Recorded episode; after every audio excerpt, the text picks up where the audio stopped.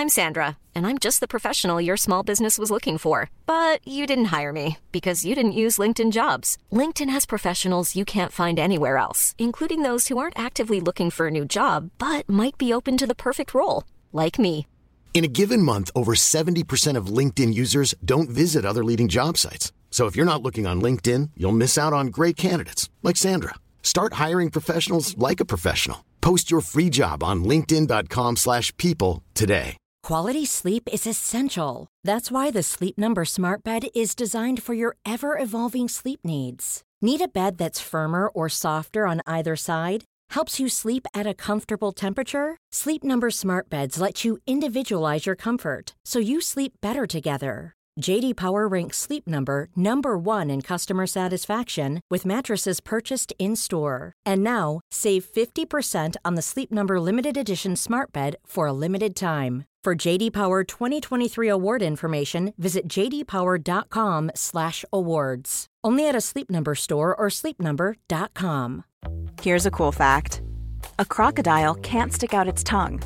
Another cool fact you can get short term health insurance for a month or just under a year in some states. United Healthcare short term insurance plans are designed for people who are between jobs, coming off their parents' plan, or turning a side hustle into a full time gig. Underwritten by Golden Rule Insurance Company, they offer flexible, budget friendly coverage with access to a nationwide network of doctors and hospitals. Get more cool facts about United Healthcare short term plans at uh1.com.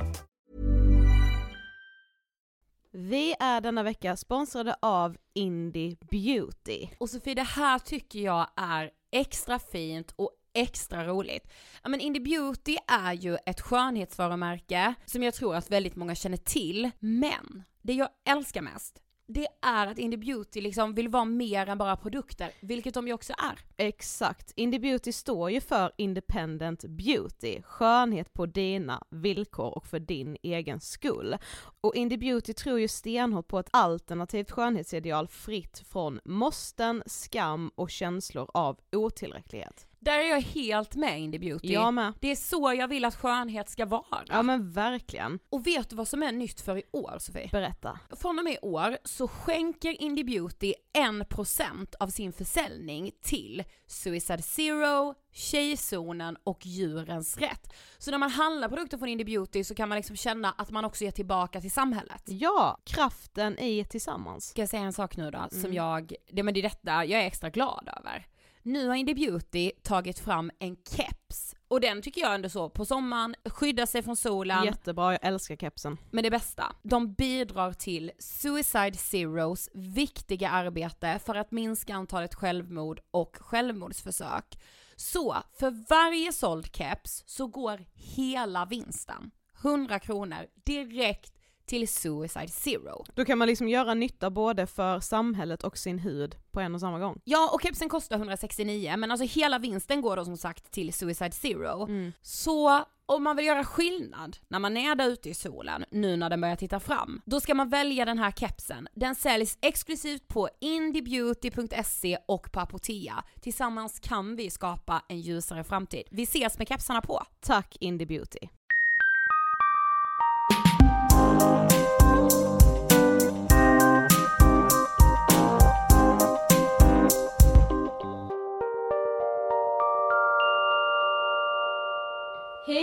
hjärtligt välkomna till avsnitt nummer åtta. Hej och välkomna! Ni är verkligen hjärtligt välkomna till um, Ångestpoddens hittills allra viktigaste avsnitt. Jag Ja. vågar säga det. Ja, lätt. Lätt, lätt. Det är liksom inte ens såhär, va, mm, är det det viktigaste? Nej, det precis. är det viktigaste. Det är era berättelser som vi nu har försökt samla ihop, eh, korta ner så gott det går. Och sen är det så här, vi har omöjligt kunnat ta, tagit med alla era berättelser för vi har fått eh, så ofantligt många. Eh, så det är inte det att ni på något sätt, ni som, om ni sitter och lyssnar och bara okej min berättelse är inte med, då, då, då är inte det så allvarligt. Det är absolut inte så, utan vi har liksom slumpvis bara valt ut berättelser. Men å andra sidan så kommer ni alla känna igen er för hemskt nog så var det ju väldigt många som hade varit med om typ exakt samma saker. Ja, precis. Så Ja. Ja. Ehm, och vi vill verkligen bara säga det också att eh, det här är liksom, det här är inget på låtsas eller någonting som vi har dramatiserat upp eller tonat ner eller ingenting sånt. Nej. Det här är verkligheten. är... Exakt, jag skulle precis säga det. Sorry jag tror du... Ja, nej men det här är verkligheten och vi måste öppna våra ögon och lyssna med våra ögon på riktigt nu och ta det här till oss. Det är så här det ser ut. Och ja, som sagt, det här är era berättelser. Och vi kommer läsa dem i jag-form, för det är så de har skrivits till oss. Och när jag och Sofie byter mellan varandra så är det en ny berättelse. Ni vet den där novemberdagen som är mörk och slaskig. När tanken på att man måste vara vaken i 15 timmar får en att vilja somna om direkt istället. Den där söndagen när man inte orkar gå upp ur sängen utan sitter kvar med händerna mot tekoppen. När man säger tack, men nej tack till att träffa någon man älskar för att man är så utmattad. En sån där dag när något man älskar att göra mest känns som en börda. Tänker att leva i det, varje dag. Att vakna upp morgon efter morgon och varje dag känna så. Alldagliga sysslor känns nästan till omöjliga att genomföra. Koncentrationsförmågan är så långt utom räckhåll att man tillåter, att man tillåter inte sig själv att se lycka i ens något litet.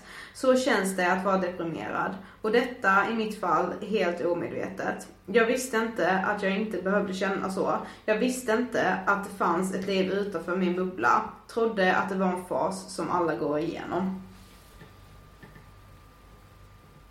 I ettan på gymnasiet försjönk jag i en väldigt djup depression. Det var som att hela min värld var ett konstant grått töcken som jag inte kunde komma ifrån. Oavsett hur kul eller glad jag kunde känna mig en liten stund så fanns den alltid där och tryckte på som en dräpande skugga. Jag drack väldigt mycket. Det sista halvåret som 16-åring drack jag mig full en till två gånger i veckan. Jag var väldigt destruktiv i mitt beteende gentemot, gentemot andra men orkade inte bry mig om när jag råkade gå över gränsen då det kändes som att jag förtjänade att ses som skit. Efter ett antal incidenter rörande mig och andra kände jag att jag inte kunde mer. Jag sårade folk jag brydde mig om. Det hade jag gjort tidigare också, men nu gjorde jag det så tydligt. Det första jag gjorde var att sluta med p-piller då jag genom google-sökningar hittade att en stor anledning till att jag mådde så extremt dåligt var på grund av dem. E- Efter tre till fyra månader utan dem kände jag av en enorm skillnad och det var som att hela min gråa värld blev fylld av färger. Detta var på gott och ont då jag började ta skolan mer seriöst och därigenom blev mer stressad av den. Men samtidigt, jag ville ändå leva livet jag hade nu. Jag var långt ifrån lycklig. Det tog lång tid för att jag skulle känna det. Men jag mådde bättre. Mycket bättre. Hade jag aldrig mått så dåligt så hade jag nog inte vetat hur skönt det känns att bara känna sig okej. Jag har alltid varit en positiv person. Jag har alltid varit den glada som alltid ler och sprider glädje. Enligt andra alltså. Jag var dock ledsen rätt ofta i låg och mellanstadiet. Det var några som kommenterade det, men det var inget jag tänkte så mycket på då. När jag sen kom till högstadiet blev det bättre, men i slutet av högstadiet gick det bara utför. Jag mådde dåligt och jag trodde ju till en början att det var normalt, men insåg sen att det inte alls var så här jag skulle må. Jag började söka hjälp som man säger. Det var en lång bit dit men äntligen så kom jag typ till BUP och skulle, skulle få en utredning. Jag fick depressionsdiagnos någon gång i januari 2014. Jag fick samtidigt reda på då att mamma har varit deprimerad i en väldigt lång tid, alltså 20 år ungefär och att det kan vara genetiskt. Det har gjort så ont att veta att hon verkligen inte ville att någon av hennes barn skulle få det. Och sen fick jag det. Som att det var mitt fel. Som att jag kanske skulle säga att jag inte mådde så dåligt som jag gjorde. Det är så jobbigt när man mår så dåligt och är tom. Man kan liksom inte visa något. Det känns som att det inte finns någon som tror mig. Bara för att jag inte gråter ögonen ur mig. Vilket jag i och för sig också gör ibland. Jag har det just nu väldigt jobbigt i skolan eftersom att jag går på gymnasiet och jag går ett högskoleförberedande program och det kräver en hel del. Jag har nu tagit bort ett ämne för att jag tycker att det blir för mycket. Och för er som tycker att det blir jobbigt med skolan, att det liksom blir för mycket, så prata med din lärare eller studievägledare. De lyssnar förhoppningsvis. Det finns så många sätt att gå gymnasiet på.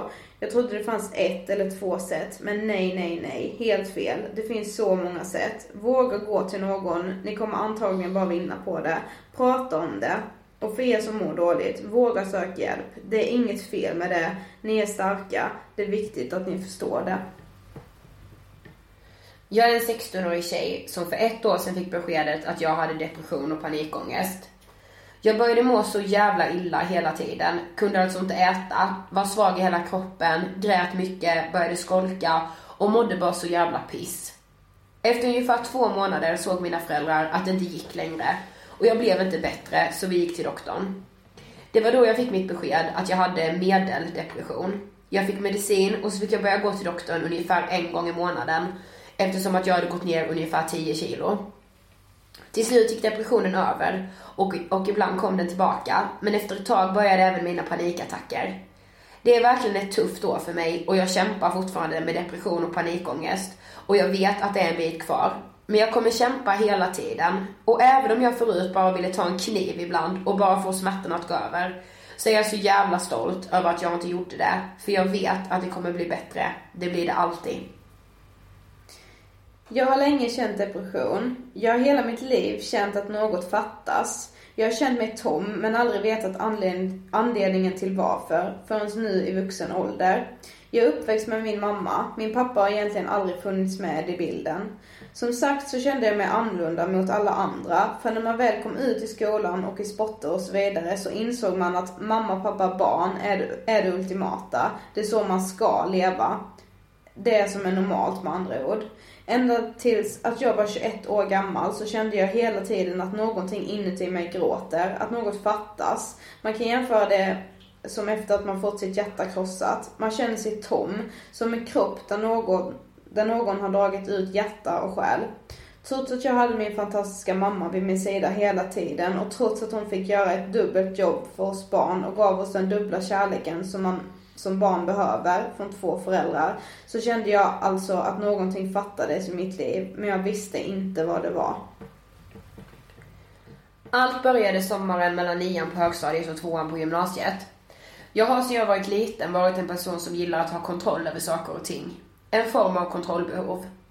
Det har dock inte påverkat mig negativt i de allra flesta fall. Jag har bara vetat var jag stått och vad jag tyckt. Det kunde dock bli jobbigt när jag hade för lite att tänka på, som på ett sommarlov till exempel. Då började tvångstankarna. När sommarlovet tog slut och jag skulle börja gymnasiet mådde jag inte bra. Att gå till skolan var jobbigt för när jag kom hem så kände jag mig så fruktansvärt äcklig. Nästa steg blev att jag inte ville använda vissa grejer som jag hade med mig utanför ytterdörren, som till exempel mobilen eller datorn. Det ledde till att kontakten med omvärlden blev väldigt liten. Så här fortsatte det. När jag kände att jag inte hade kontroll över någonting så började jag utveckla en ätstörning. Hur mycket jag åt och vad jag åt kunde jag ju kontrollera. Jag fick aldrig anorexia, vilket jag idag är extremt glad över. När jag tog mod till mig och berättade för mamma hur jag kände med maten hade jag gått ner 7 kilo. Jag vet inte riktigt när min depression började, men jag hade nått botten. Mina tvångstankar och min ätstörning samtidigt som ett högt tempo i skolan blev helt enkelt för mycket. När jag tänker tillbaka på det så fattar jag inte hur jag orkade.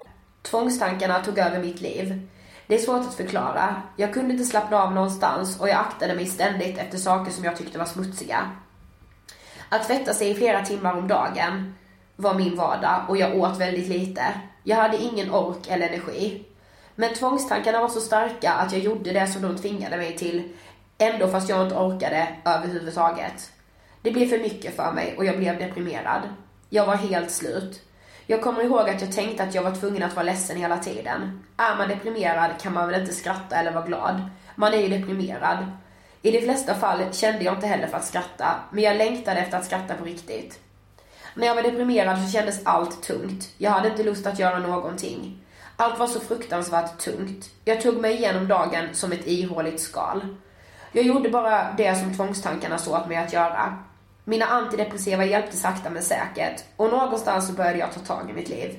Jag slet som ett djur. Jag tog mig upp från botten och det är något som jag idag är väldigt stolt över. Jag äter fortfarande antidepressiva, men är inte deprimerad. Tvångstankarna är nästan borta och alla tecken på ätstörningar är helt borta. Vissa dagar är jobbiga och jag får fortfarande jobba med mina tvångstankar. Men jag mår bra. Jag mår väldigt bra. Jag vet inte när det började. Kanske var det under min barndom eller under mina tonår. Det är svårt att sätta en punkt vid när det exakt började. Jag har en bra familj, jag har bra betyg och jag har en bra krets med vänner. Men något har alltid fattats. Jag lever med en sjukdom, en som jag inte känner till, men jag försöker. Jag gör allt som utåt sett ser ut som en fungerande vardag. Jag är inte min sjukdom, men den är en del av mig och jag försöker hantera den. Jag går fortfarande i terapi, jag tar fortfarande mediciner och jag försöker leva. Det är svårt och vissa dagar vill jag bara dö. Men jag försöker att inte göra det. Det finns inget ljus i slutet av tunneln för mig. Det är mörkt och det har det alltid varit. Men jag hoppas, det gör jag verkligen. Utan att överdriva tappade jag verkligen hoppet om allting.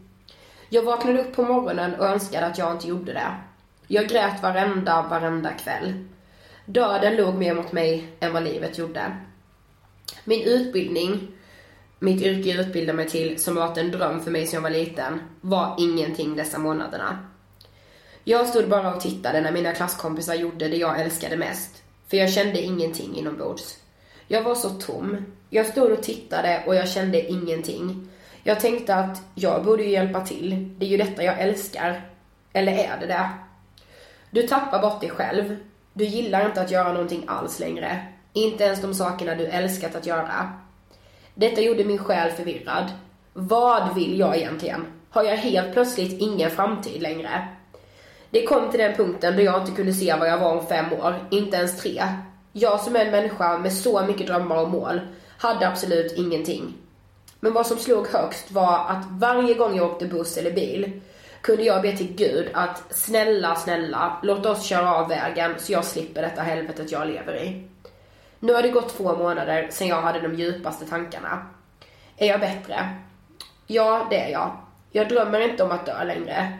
Jag vet för det mesta vad jag vill med mitt liv, fastän man inte behöver veta det vid 17 års ålder. Det är skämmigt och skamligt att inte må bra. Jag har fått för många, men räck upp dig nu då och men skärp dig, så här kan du inte hålla på för att kunna göra det. Men vad gör man när man är låst i sig själv? Panikattacker är inget som bara går över och depressioner är inte lätta att ta sig ur. Alla bråk och missförstånd beror på okunskap. Folk vet inte vad psykisk ohälsa är. Samhället måste lära sig att acceptera det och vi måste lära våra barn att det är okej okay att inte alltid vara okej. Okay. Jag blev mobbad från halva första ring till början av tredje ring i gymnasiet, då jag valde att byta skola. Mobbning har alltid känts avlägset för mig. Ingenting som jag trodde skulle drabba mig. Jag var ju en gullig, snäll tjej. Det kom nästan som en blixt från klar himmel. Folk började undvika mig, vände ryggen till, la smygkommentarer och så vidare, medan jag gick in i en depression. Alla jävla tankespöken började komma fram. Något som fortfarande plågar mig än idag och som bara tryckte ner mig ännu mer. Jag blev van vid att vara ensam. Tänkte att jag inte vill plåga någon med min närvaro. Vilket idag har resulterat i att jag är dålig på att höra av mig till vänner. För det känns som jag stör och att jag inte är viktig. Jag låg ofta och mådde så himla dåligt i min säng med en stor klump i magen bara jag tänkte på skolan och alla äckel till klasskamrater. Det kändes väl lite som jag förtjänade det då, Helt ärligt vet jag dock inte vad som fick mig att bli det svarta fåret i klassen. Var det för att jag inte klickade med någon? Var jag ful? Irriterande? Jag vet inte. Jag var inne i en fruktansvärd depression redan som 13-14-åring. Jag visste inte vad detta var då. På den tiden var det inne att vara emo. Och alla som mådde dåligt ansågs vara jävla emos. Det blev direkt en stämpel på det liksom. Året var 2007 och det var färgglada tights och snedluggar överallt. Mådde man dåligt var man tvungen att vara emo. Det var givet. Självklart för mig också. Jag blev emo. Jag var inte mig själv i min depression. Jag orkade inte ens göra något åt det. Jag lät mig själv lyssna på min pappas fyllesnack om hur värdelös jag var, att han önskade att han aldrig skaffat barn och jag började tro på honom. Jag slutade äta, umgicks med fel folk och nytt folk som slapp se min förändring. Jag skar mig själv i armarna för att se om jag ens kände något längre. Jag kunde ligga och kolla rakt upp i taket eller bara gråta.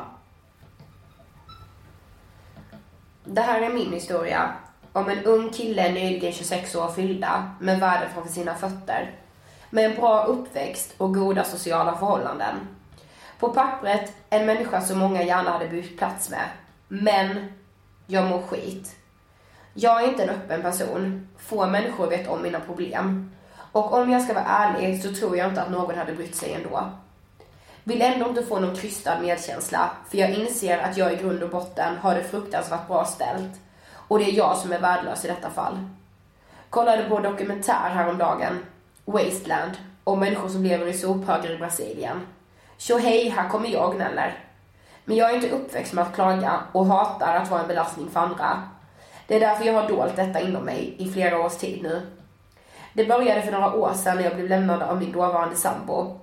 Men jag är 100% säker på att det är inte anledningen till varför jag är deprimerad ibland. Har däremot svårt med närhet numera. Mina depressioner kommer i perioder. Ibland av självklara anledningar, men ibland av inga anledningar alls.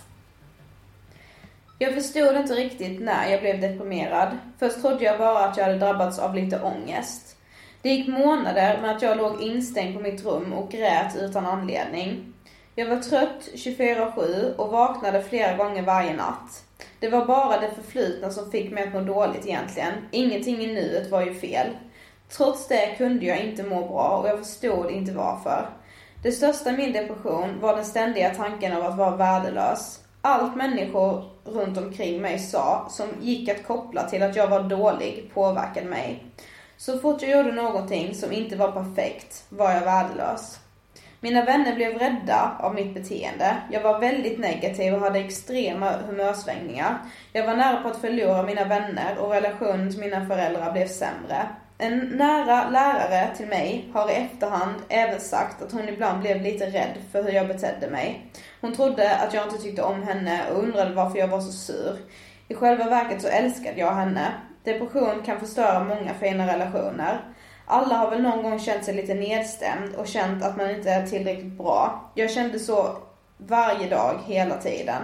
Ibland kunde jag må bra någon timme under dagen, men det var sällan. Jag skrattade aldrig. När jag var på väg att bli frisk och faktiskt en dag skrattade blev jag förvånad men så otroligt tacksam. Jag trodde aldrig att jag skulle drabbas, men jag gjorde det, vilket alla kan göra. Det gick så långt att jag ville ta mitt liv. Jag såg ingen mening med någonting och jag ansåg att alla skulle få det så mycket bättre utan mig. Jag gick till slut till en kurator som hjälpte mig väldigt mycket. Ett tips till alla som är i depression nu är att söka hjälp. Även om det är skitjobbigt. Även om det går åt helvete första gången, så ge inte upp.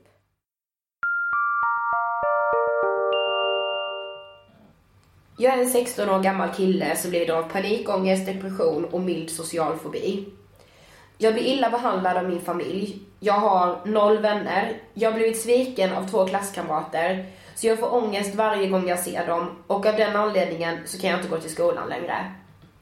Jag är tvungen att hitta instängd i mitt hem tillsammans med de som behandlar mig illa. Jag får medicin, men det hjälper inte ett dugg. Jag pratar med en präst, en läkare och två kuratorer på BUP och ungdomsmottagningen. Men det hjälper inte så mycket. De har inte gjort ett skit på två månader, även om vi träffas en gång i veckan. Jag har också blivit inlagd en gång. Som sagt, jag kan inte gå till skolan på grund av ångesten.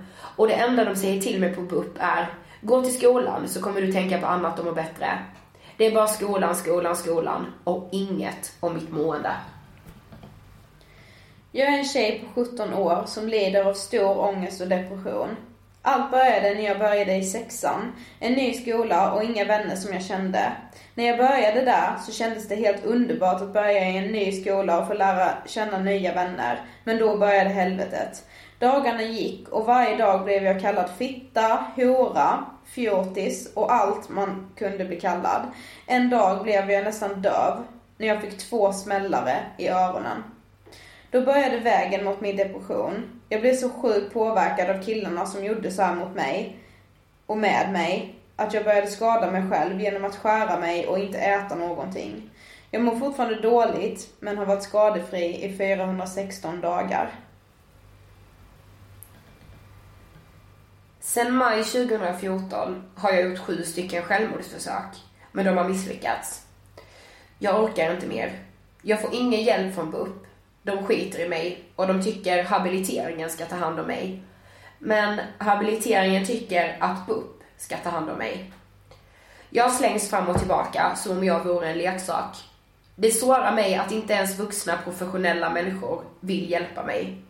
Snart har jag ingen utväg. Snart är det att hoppa framför tåget, som är den enda utvägen. Och jag har nästan inga vänner heller, så jag har ingen jag riktigt kan prata med. Jag behöver riktig hjälp för att få bort denna ångest och komma ur den här depressionen.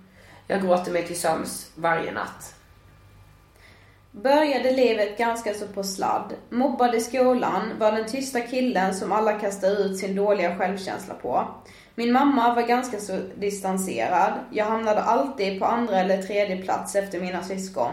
Jag bodde hos henne och min styvfar under större delen av mina yngre tonår.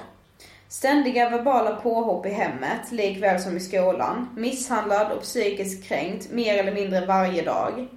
Min farsa var sedan barnsben ständigt i kontakt med alkohol.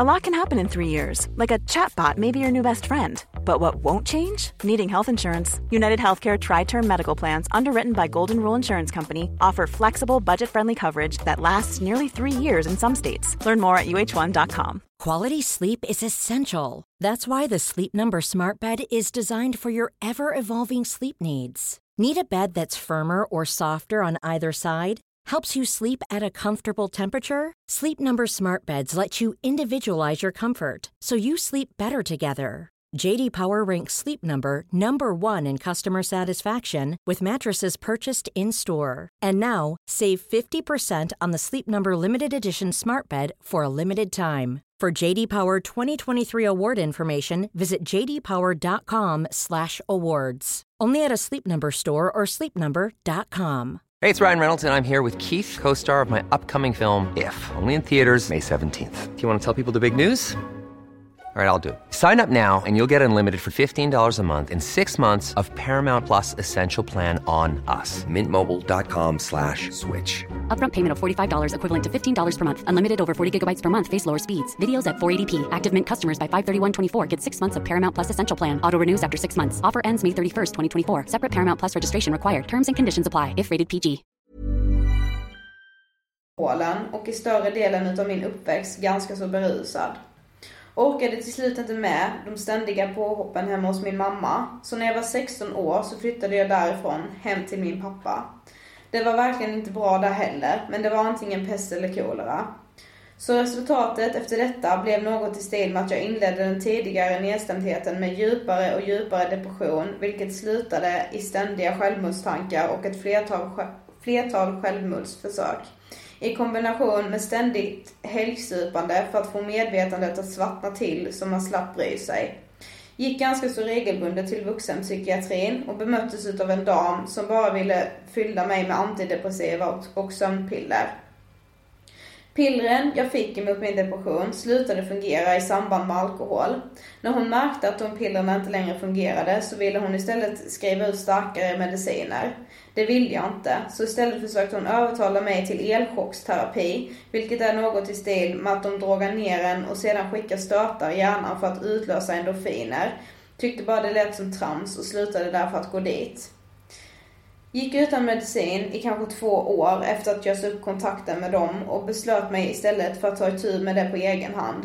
Inledde en större del av min tid med självhjälpsböcker i alla dess former och några få riktigt goda vänner som man kunde diskutera med.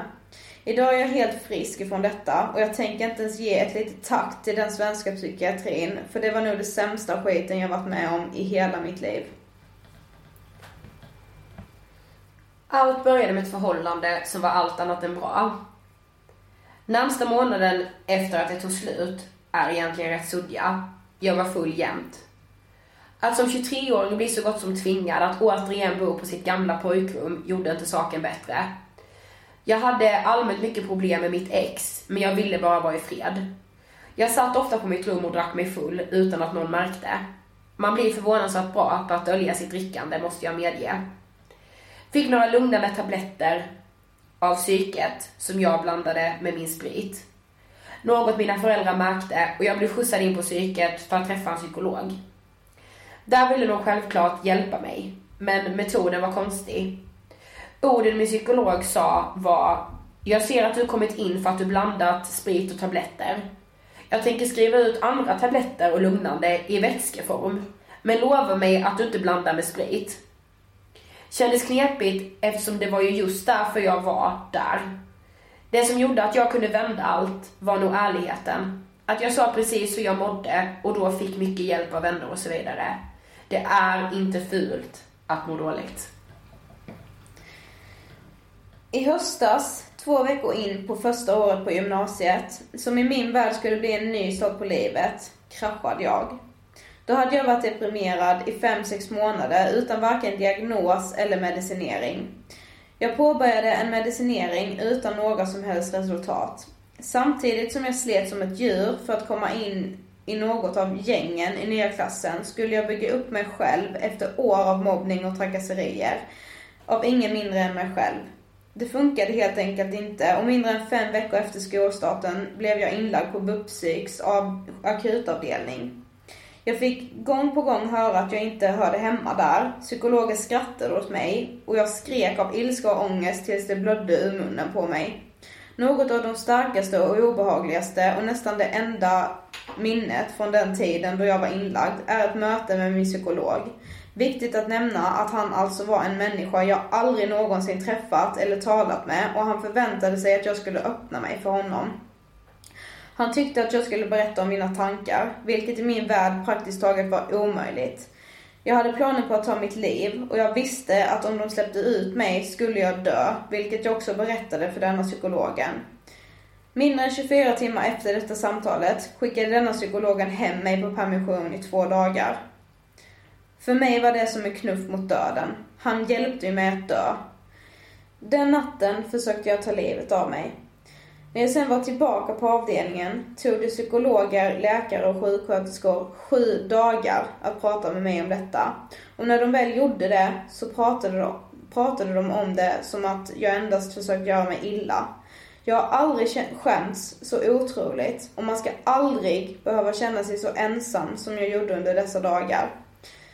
En annan väldigt stark och jobbig händelse jag minns var en kväll då jag och mina föräldrar var på väg in från att ha haft permission i några timmar. Då man åker på motorvägen in till grannstaden där jag var inlagd fick jag sitta fram med min far och mitt under färden, mitt på motorvägen, fick jag panik. Dödsångesten slog till som en fet jävla käftsmäll och jag bara skrek och sträckte mig efter bildörren. Min mamma förstod vad jag var på väg att göra och drog i mig då hon satt bakom.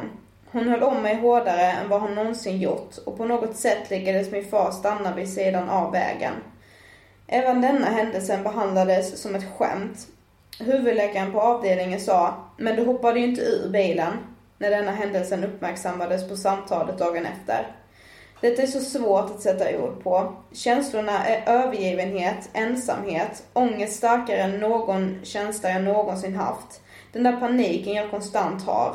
Att skaka av ångest konstant, att hellre vilja blunda för verkligheten är mörkare än det bläcksvarta mörkret jag ser när jag blundar.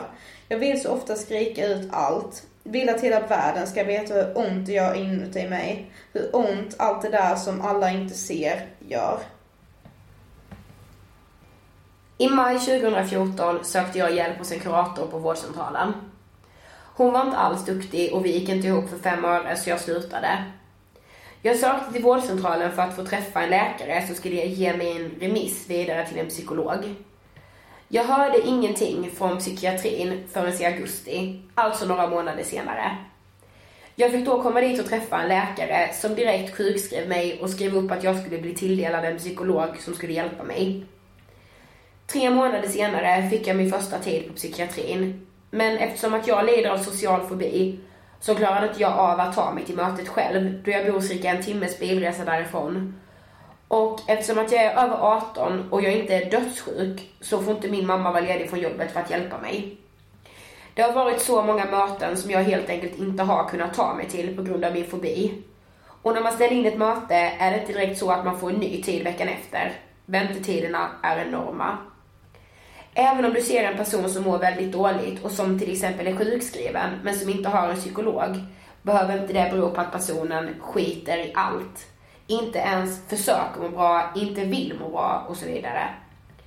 Jag blev uppskriven på väntelista i maj 2014. I augusti 2014 fick jag första läkartiden och i november fick jag första tiden med en psykolog som jag var tvungen att ställa in. Och nu, flera månader senare, ska äntligen mina möten komma igång då jag har fått en kontaktperson som ska hjälpa mig att ta mig till och från mötena. Det jag menar är att man inte bara ska inse att man är sjuk och sen ta tag i det. Man måste vara frisk för att vara sjuk. Jag hade aldrig klarat mig utan min mamma som hjälper mig med precis allt. Jag vet inte hur många gånger mamma har ringt till psykakuten och sagt att jag behöver hjälp nu. Och de frågar om hon tror jag kommer ta livet av mig. När mamma då säger nej, säger de att de inte kan göra något. Psykiatrin har även sagt då att min mamma att hon ska få mig att fejka en ordentlig panikattack och låtsas att jag har självmordstankar. För då ökar chanserna till en snabbare psykologtid. De har även nekat mamma i telefonen och sagt att de måste prata med mig personligen eftersom jag är över 18 år. Men med min sociala fobi går det inte. Det är inte bara att söka hjälp. Är du sjuk, som jag i till exempel social fobi, så kan du inte ringa själv till psykiatrin. Du kan inte ta dig dit och du kan inte avboka om det skulle behövas. Det är så mycket man inte kan, men ändå blir man dåligt bemött av psykiatrin. De som borde ta hand om en.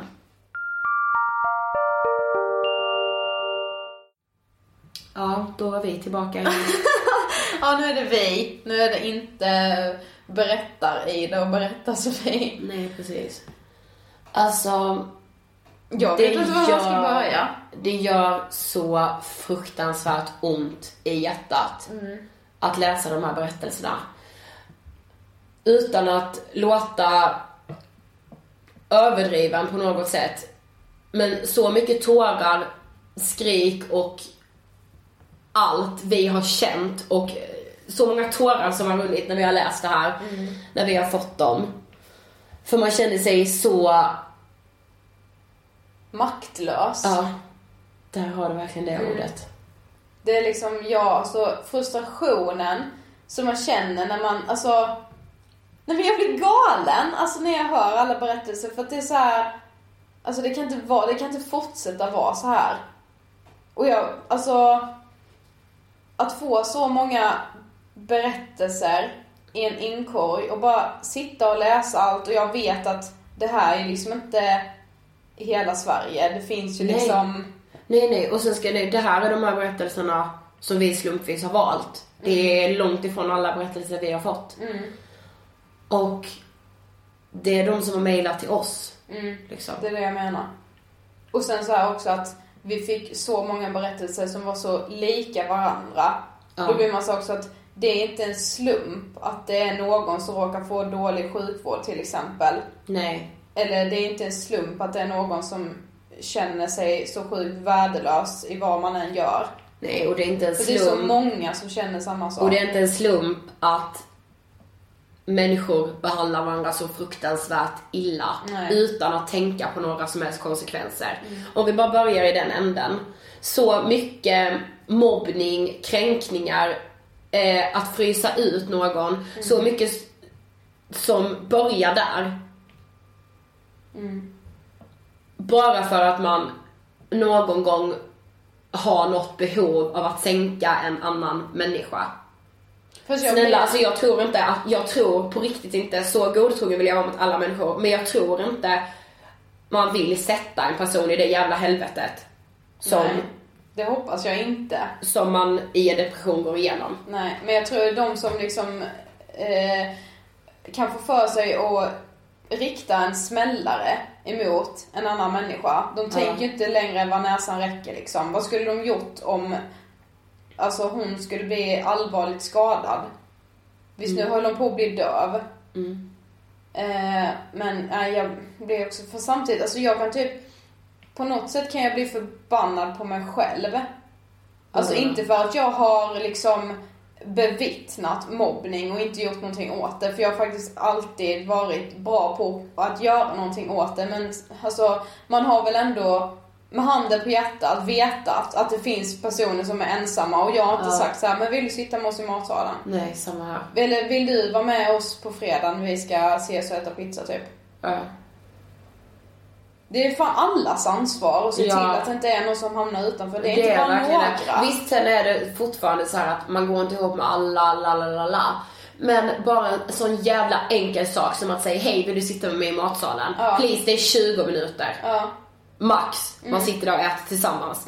Men för en person kan det vara så jävla mycket. Nej alltså jag, jag finner verkligen inga ord. Alltså jag blir Nej, för så mobbning, jag pallar inte det. Nej. Om vi bara sen går vidare till eh, vården. så vad fan ska man börja? Alltså jag kan verkligen börja gråta här nu, Ja. alltså seriöst. För Ja. jag... Eh, nej. Alltså jag är så fruktansvärt frustrerad. Mm. Alltså jag, jag, jag, jag vet liksom inte, jag vet verkligen inte vad jag ska säga. Jag har inga ord för det. Visst, det måste vi vara noga med att säga att vi inte vill hänga ut liksom eh, Sveriges hela psykiatri. Eller jo, det vill jag. Men eh, det- finns de som har hört av sig till oss som har fått bra hjälp. Eh, och det är vi jätteglada av att höra om också. Men som sagt, övergripande har ni inte fått det. Nej. Ni har fått den sämsta av hjälp. Ni har inte fått hjälp. Ni har fan i mig... Och så överlag i mejlen så var det så också att ja men till slut så tog jag mig till en läkare liksom. Det, det satt väldigt långt inne men jag gjorde det till slut. Gick dit, fick antidepressiva och fick gå hem. Alltså det, det var som jag sa tidigare i veckan, antidepressiva, inget ont sagt om det. Men det är inte ett botemedel, det är ett hjälpmedel. Det är en krycka, som Ann sa i förra avsnittet. Det är liksom ett hjälpmedel som du ska ha vid sidan om. Ja, vid sidan om det som verkligen hjälper. Det som vid sidan om av det som gör kommer göra dig frisk. Ja. Så som terapi och Ja. vad, vad som nu än kommer passa en. Men aldrig någonsin antidepressiva. Nej. Det kommer inte göra en själ på den här jorden fri från sin depression. Nej. Men det verkar de ju tro. Ja, Jag men alltså, att de men, skrev ut det som, ja jag vet inte. Alltså vi ska verkligen försöka träffa någon, eh, eh, någon psyke, någon som jobbar inom psykiatrin, helst någon slags överläkare av något slag. Eh, jag har Om någon från, någon på psykiatrin eh, som jobbar inom psykiatrin eller som jobbar bara alltså, inom vården. Vad gör ni när en ungdom kommer in som mår psykiskt dåligt? Vad gör ni? Kan inte ni höra av er till oss? Eller om du som lyssnar vet att du har blivit väldigt bra bemött av en viss läkare. Du kanske har kontakt med någon läkare eller psykolog eh, nu. Och nämn gärna vår podd för dem och säg att de jättegärna får höra av sig. Ja, precis. För det, det är inte det enklaste att få tag i psykiatrin. Nej. Eh, men eh, det känns som att det finns många frågetecken som behöver rätas ut. Ja, precis. Eh, nu kommer eh, två små berättelser till. Eller inte berättelser, två små delar av eh, mejl som vi fick som vi verkligen vill dela med oss av också. Som eh, upplyftande, peppande ord på, på vägen.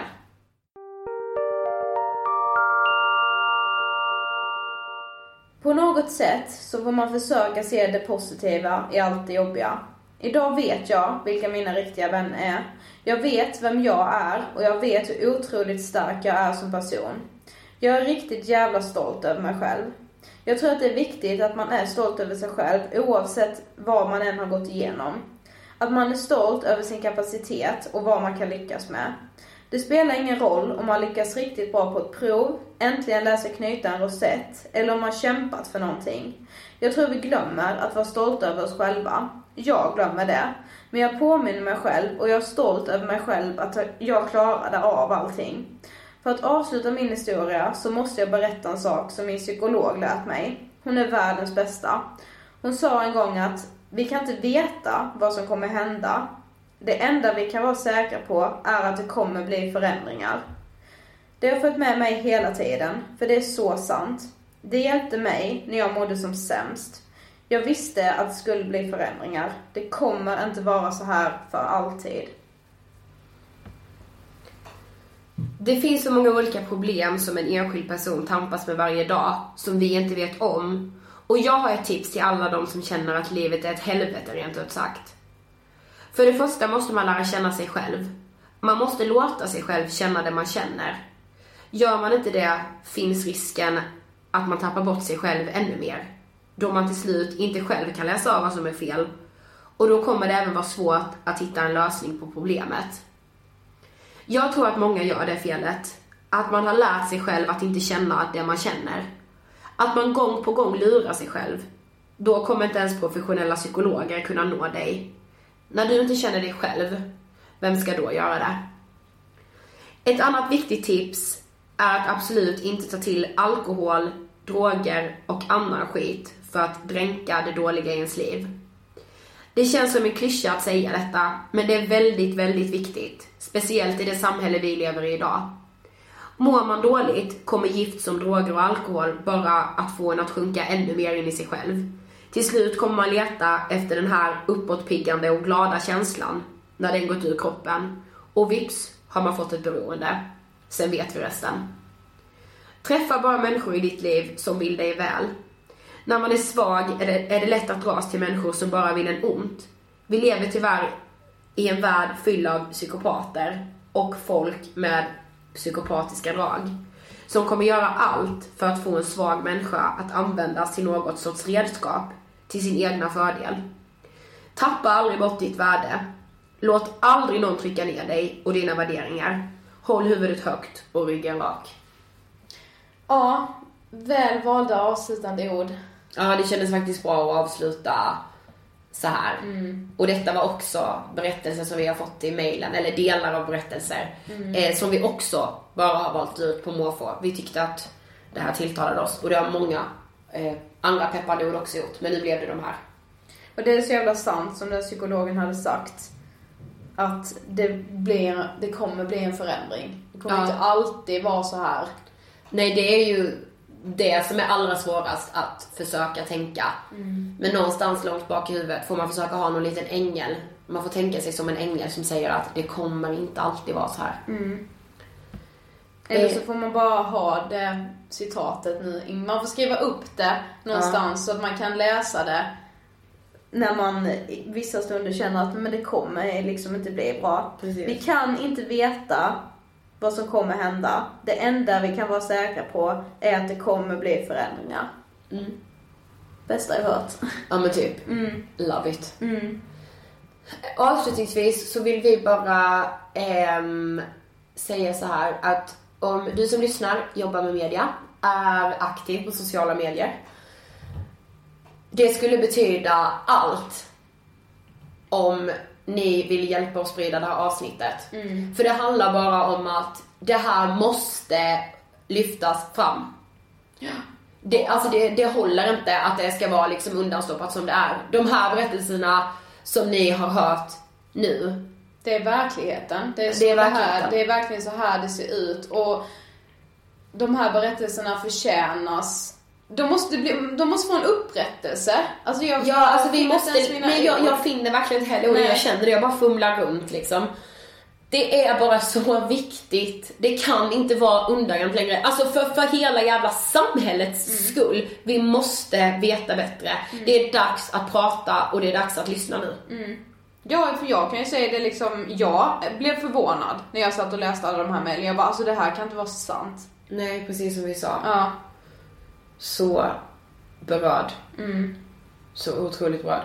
Och eh, ni som har mejlat, eller ni som går igenom en depression, har gått igenom. Alltså, ni är så ofantligt starka.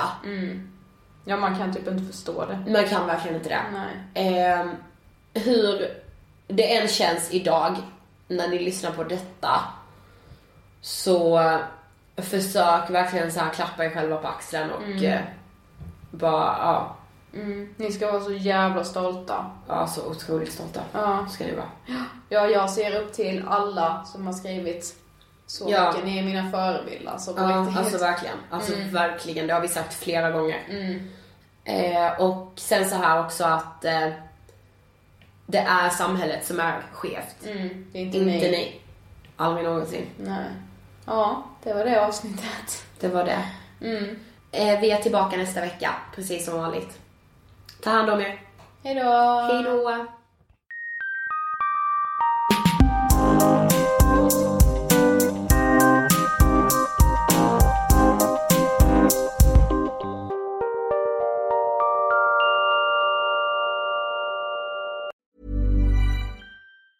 Hey, it's Danny Pellegrino from Everything Iconic. Ready to upgrade your style game without blowing your budget? Check out Quince. They've got all the good stuff shirts and polos, activewear, and fine leather goods, all at 50 to 80% less than other high end brands. And the best part? They're all about safe, ethical, and responsible manufacturing. Get that luxury vibe without the luxury price tag. Hit up quince.com slash upgrade for free shipping and 365 day returns on your next order. That's quince.com slash upgrade.